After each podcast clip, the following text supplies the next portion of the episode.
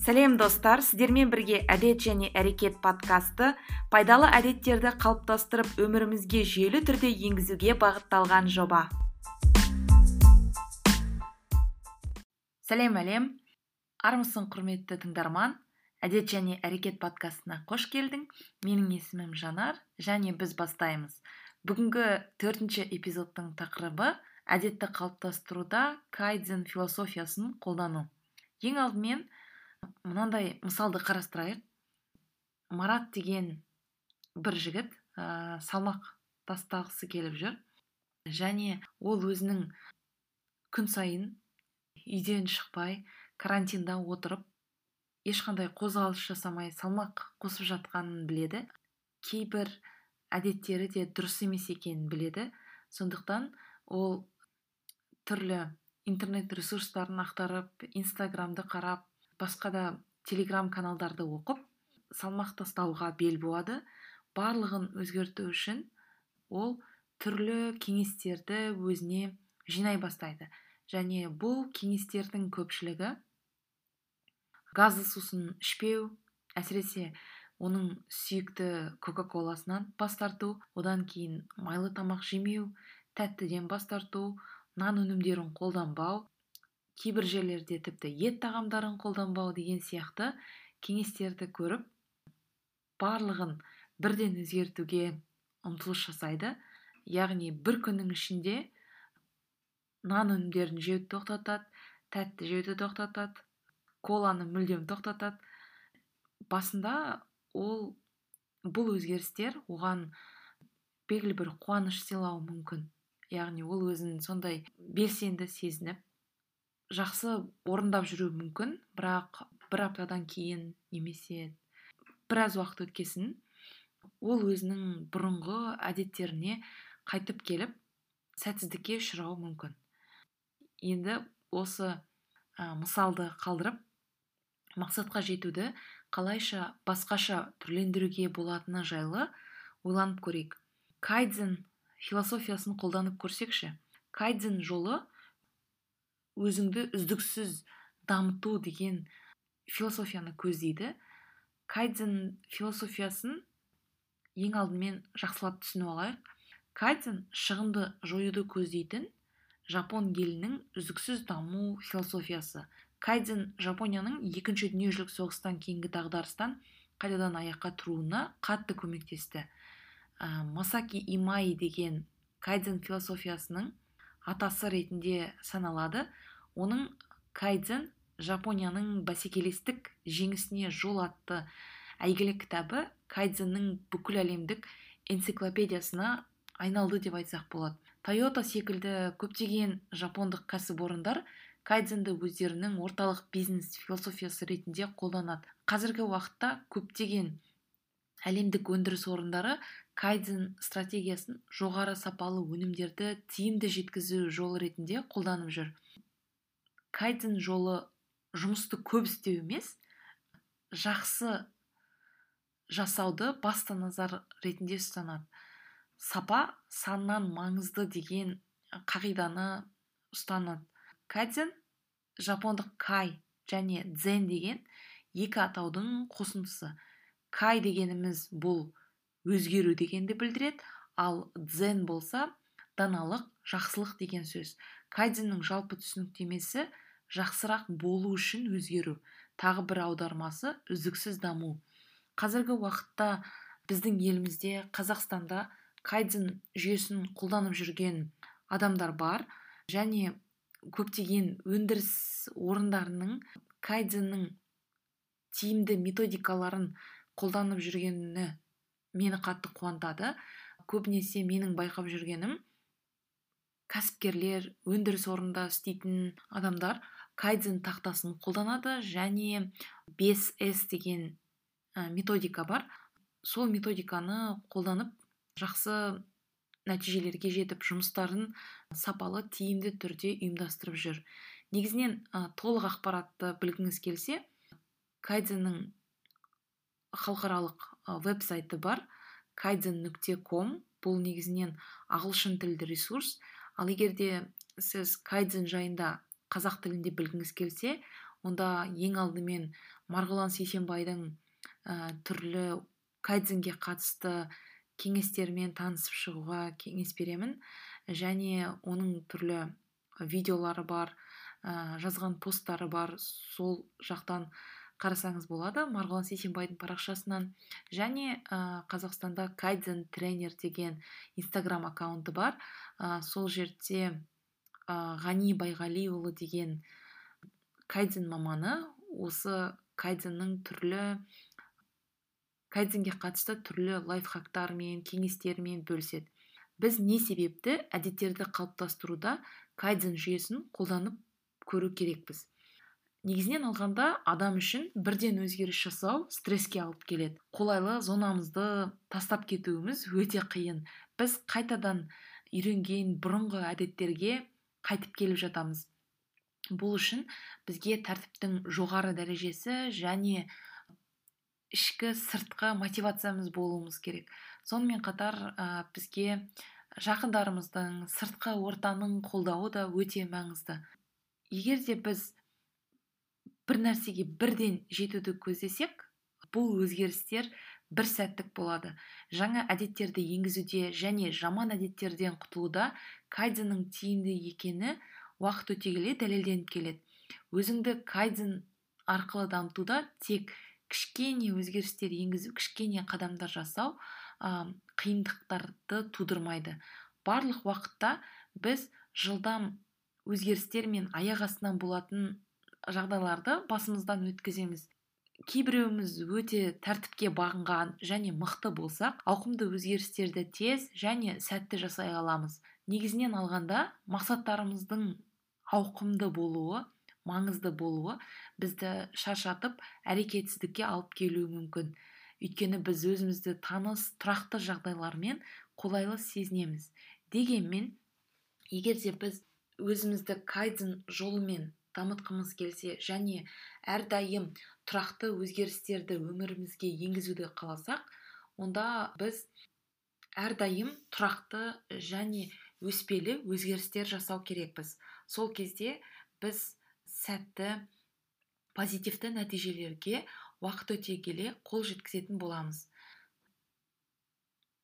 Кайдзеннің негізгі философиясы бойынша жеке даму бұл өзіңді дамыту бұл соң, соңғы нүкте емес яғни біз әрдайым жұмыс істеу барысында боламыз. ағылшын тілінде work in progress деген түсінікке бұл жақын келеді. Кайдзеннің негізгі философиясының басты мақсаты басты назары ол күн сайын кішкентай қадамдар жасау. Әр күн сайын өзіңді бір пайызға жақсарту. Бұл түсінік негізінен кайдзен түсінігіне ислам дінінде де орын бар. Ислам дінінде амалдардың ең абзалы ол үздіксіз аз да болса бірақ күнделікті жасалған амал әрекет деген түсінік бар. Яғни амалдардың ең абзалы қолайлысы жақсысы ол күнделікті қайталанып отыратын әрекеттер. Егер де біз ә, жеңістің дәмін тататын болсақ онда әр қадамды орындауға деген ә, мотивациямыз артады. Кайдзен негізінен біздің миымызды қайта бағдарламалауға көмектеседі. Және біз жаңа жаңа әрекет түрлерінен жаңа қалыптан қорықпайтын боламыз. Күнделікті кішкентай қадамдар жасау арқылы біздің миымыз жаңа нейрон байланыстарын тудырады. Және өзімізбен келісу арқылы өзімізбен белгілі бір гармонияда болу арқылы біз кайдзен жолы арқылы жақсарып өмірімізде жақсы жаңа әдеттерді қалыптастыруда маңызды өзгерістерді жасай аламыз. Кайдзен майндсет деген түсінік бар. Негізінен алғанда ә, бұл кайдзен жолы арқылы ойлау. Яғни кайдзен ойлау жолы сізді жеңістің дәмін тату үшін ә, даму жоспарымен жүруге талаптандырады. Ең алдымен кайдзен бұл белгілі бір мақсатқа белгілі бір межеге жетуді көздемейді және сіз белгілі бір жеңіске жеткенде одан рахаттану жолын көздемейді. Ә, кайдзен бойынша жеңіс бұл ә, негізгі түпкі ә, жететін соңғы нүкте емес. Бұл ә, ешқашан таусылмайтын ешқашан бітпейтін даму сапарының тек бір бөлігі ғана. Сондықтан кайдзен жолымен даму үшін ең алдымен біз сапарға бағытталған ойлау жүйесінде болуымыз керек мақсатқа бағытталған емес. Кайдзенді қолдану арқылы біз ә, мақсаттарымызды тиімді жоспарлауға және соған сай әрекет жасауға сонымен қатар армандарымызды мақсатқа айналдыруға қадамдар жасаймыз. Өзімізді кайдзен арқылы қалай дамытсақ болады? Бұл жолда бізге PDCA ә, циклы деген түсінік көмектеседі. PDCA дегеніміз не? Бұл төрт сөзден құралған аббревиатура яғни төрт сөздің бастапқы әріптерінен алынған P дегеніміз план D дегеніміз do ә, дегеніміз check A дегеніміз act яғни жоспарла жаса тексер және әрекет ет. Осы төрт қадам арқылы біз өзімізді кайдзен жүйесі арқылы дамыта аламыз. Ең алдымен жоспарлау туралы айтатын болсақ өміріңіздің өзгерісті талап ететін жақсаруды қалайтын белгілі бір аймақтарын анықтап алу керексіз. Немесе ә, армандарыңызды бағалаудан өткізсеңіз болады. Егер де сіз белгілі бір мақсатқа жетуді жоспарлаған кезде кайдзенді қолданатын болсаңыз және кайдзен арқылы өзгеріс жасайтын болсаңыз онда бұл маңызды өзгерістер сіздің өміріңіздің мәніне және негізгі мақсатына айналады. Сондықтан өміріңізде жақсартуды қалайтын бір маңызды ә, нәрсені белгілеп алыңыз. Және бұл маңызды нәрсені белгілеуде бізге сексен де жиырма қағидасы көмектеседі. Сексен де жиырма ережесі немесе парето қағидасы деп аталады. Бұл джозеф джуран деген менеджмент ә, маманы ойлап тапқан бұл түсінікті. Бұл теорияның негізгі мақсаты нәтиженің өте көп бөлігін өте көп проценті ол аз дегендегі 20 проценттік себеппен анықталады. Бұның мәні сіздің нәтиженің 80 пайызын сіздің жасайтын 20 процент әрекетіңіз береді. Яғни егер де сіз белгілі бір нәрсені жоспарлауда 20 процент уақытыңызды жоспарлауға жұмсайтын болсаңыз сіздің нәтижеңіз осы жоспарлаудың дұрыстығына байланысты. Жоспарлау барысында бізге мынандай маңызды сұрақтарды қою бұл үрдісті эффективті тиімді жасауға көмектеседі. Ең алдымен мына сұрақтарға жауап беріңіз. Бұл өзгеріс менің өміріме не үшін қажет? Яғни бұл өзгерісті не үшін енгізгім келеді? Екінші сұрақ бұл өзгерісті енгізу барысында қандай қиындықтар туындауы мүмкін? Және үшінші бұл өзгерістің бұл өзгерістен кейін мен қандай нәтижені көздеймін? Мысалы сізге мынандай мақсат болса мен осы 2020 жылдың ішінде 1200 доллар ақша жинау керекпін деп есептейтін болсақ сіз ә, бұл үлкен мақсатыңызды кішкентай өлшеуге болатын қадамдарға бөле аласыз. Мысалы сіз мынандай кішкентай ә, мақсат жазсаңыз болады. Мен әр ай сайын жалақымнан 100 долларды сақтап отырамын. Яғни белгілі бір шотыма сондай сақтап отырамын десек онда 12 айда сіз бұл мақсатыңызға жете аласыз. Біз ә, үлкен мақсатты кішкентай бөліктерге бөлу арқылы мақсатымызға тезірек жете аламыз.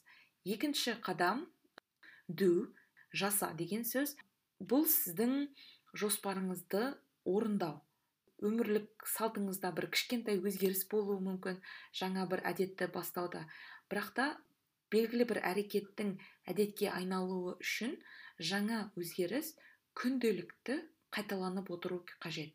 Тіпті уақытыңыз болмай жатса да түнгі 12 болып бірақ сіз ол әрекетті орындамасаңыз бұл сізге белгілі бір жаман нәрс жаман сезім қалдыруы мүмкін немесе сіз өз күшіңізге сенімсіздік білдіруіңіз мүмкін. Сондықтан егер де сізге ол күні мысалы бір нәрсені жасау мақсат қойылса мысалы 30 минут кітап оқу десе ә, сіз тым құрығанда сол күні бір бет болсын кітап оқу керексіз. Яғни белгілі бір тізбекті бұзбау керекпіз. Менің есімде бұрын молодец деген принцип болатын молодец деген сөз оны сіз жеті күнге жоспарлайсыз. Мысалы бір әдетті енгізу керек болсаңыз бұл әдетті менің ағам қолданған болатын. Яғни сіз егер дүйсенбі күні бір әдетті мақсат қылып алдыңыз және дүйсенбі күні оны орындасаңыз м деген әріп болады бірінші әрпі. Одан кейін екінші күні орындасаңыз о болады. Және жеті күн бойы орындап шықсаңыз сіз молодец деген сөзді аласыз. Бірақ та егер де сіз мысалға бейсенбі күні сіз о әрпін алу керексіз иә онда орындамасаңыз сізге қайтадан бастау керек болады. Яғни бейсенбіден қайтадан м әрпін ә, алуды көздейсіз және бұл әрекетті басынан бастау қажет болады. Сізде қаншалықты осы молодец деген сөз көп болған сайын сіз өзіңізді бір өзіңізге риза болып өзіңізге деген сенімділігіңіз артады. Бұл бір методика. Сондықтан әрине бізде неше түрлі өмірімізде жағдайлар болады. Көбінесе бізді эмоция басқарып кетеді және кейбір күндері біз өзімізді сондай керемет оптимист энтузиаст ретінде сезінуіміз мүмкін. Сондай ә, эндорфиндарымыз көбейіп дофаминіміз көбейіп ә, серотониніміз көбейіп. Ә, бірақ кейбір жағдайда біз ауырып қалуымыз мүмкін немесе бір адам бізді ренжітуі мүмкін. Әртүрлі жағдай болуы мүмкін стресс болуы мүмкін. Сол кезде біз қайтадан бұрынғы ескі әдеттерімізге қайтып кетуіміз мүмкін. Бұл табиғи нәрсе және бұдан белгілі бір проблема жасаудың қажеті жоқ. Оны қабылдай алу керекпіз. Яғни адам әрқашан жақсы көңіл күйде болмайды. Ондай мүмкін емес. Біз адам болғасын біздің өмірімізде жағымсыз нәрселер де болады жағымсыз нәрселер де болады. Және егер де сіз ондай сезімді бастан өткізсеңіз онда әдетті орындай алмадым немесе осы әрекетті жасай алмадым деп өзіңізді кінәлаудың қажеті жоқ. Келесі жолы жағдайыңыз орнына түскен кезде қайтадан жалғастырасыз. Және келесі қадам бұл чек тексеру деп аталады. Бұл сіздің екінші сатыдағы нәтижелеріңізді бағалауға арналған қадам. Яғни сіз әр апта сайын белгілі бір сараптама жүргізіп тұруыңызға болады. Бұл сараптаманы жүргізу барысында сіз өзіңізге мынандай сұрақтар қойсаңыз болады. Екінші фазада екінші сатыда қандай нәрселер жақсы болды қандай нәрсемен мен мақтана алам не нәрсе маған ұнады?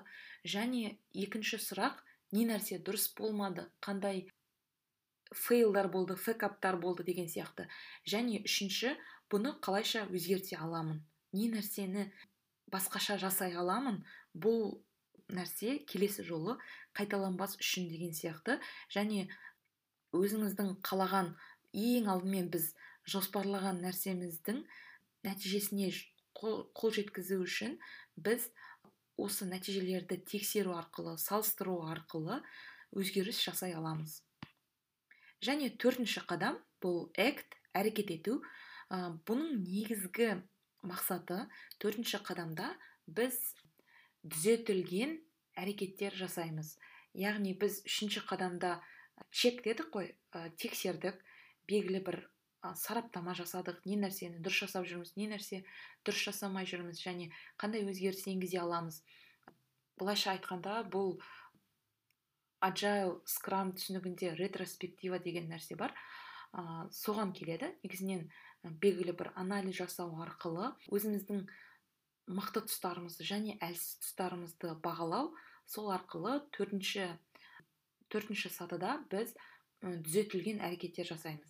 Егер де сіз екінші қадамда өзіңіз қалаған нәтижеге қол жеткізсеңіз және сізде ә, белгілі бір фэкаптар ә, сәтсіздіктер болмаса онда сіз өзіңіздің жос, ең басында қойған жоспарыңызды жалғастыра аласыз және жаңа әрекеттер сіздің қалыпты жағдайыңызға айналады. Ал егер де сізде жаңа әрекет сіз қалағандай болмаса онда сіз бұрынғы ескі әрекетіңізге қайтып барып сол жерде оны түзетіп белгілі бір жаңа өзгеріске өзгертсеңіз болады немесе жаңа мақсат қойсаңыз болады. Негізінен бұл әкт яғни әрекет ету сатысының маңызы сіз қайтадан келесі PDCA циклын бастай аласыз. Және бұл бүкіл өмір бойына созылған даму процесі яғни әрдайым сіздің өміріңіз work in progress дейді ғой ә, жұмыс істеу барысында болады. Сонымен ең бірінші осы эпизод басталмас бұрын айтып кеткен диета тақырыбына оралайық яғни маратқа оралайық.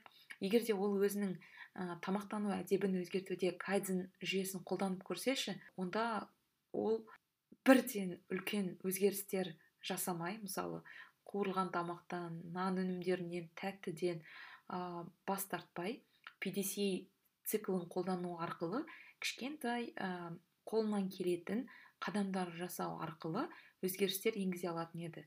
Ол бір уақытта бір ғана өзгерістен бастағанда мүмкін нәтиже басқаша болатын бет мысалға ол өзі сүйіп ішетін кока коланы сумен алмастырса белгілі бір бірнеше аптаға немесе шаймен ба алмастыратын болса бұл а, жаңа әдет тұрақты болған кезде ол өзінің ә, тамақтану әдебіне келесі жаңа позитивті өзгерісті енгізе алады. Және осы арқылы оның салмағы уақыт өте келе өзінен өзі тіпті спортпен айналыспай ақ өзінен өзі азайып кетуі мүмкін. Және бұл оның ә, салауатты өмір салтын ұстануда белгілі бір өмір салтына айналатын еді. Сонымен қорытындылайтын болсақ кайдзен сізден күнделікті рутинаңызды бірден өзгертуді көздемейді. Кайдзеннің басты мақсаты сіздің күн сайын бір пайызға жақсартуыңызды көздейді. Кішкентай қадамдар жасау арқылы және оларды тұрақты жасау арқылы сіз белгілі бір нәтижеге жете аласыз. Сонымен қатар бұл ә, жүйені өміріміздің бүкіл сферасында қолданып көрсек болады. Ол ә, кітап оқу ма спортпен айналысу ма?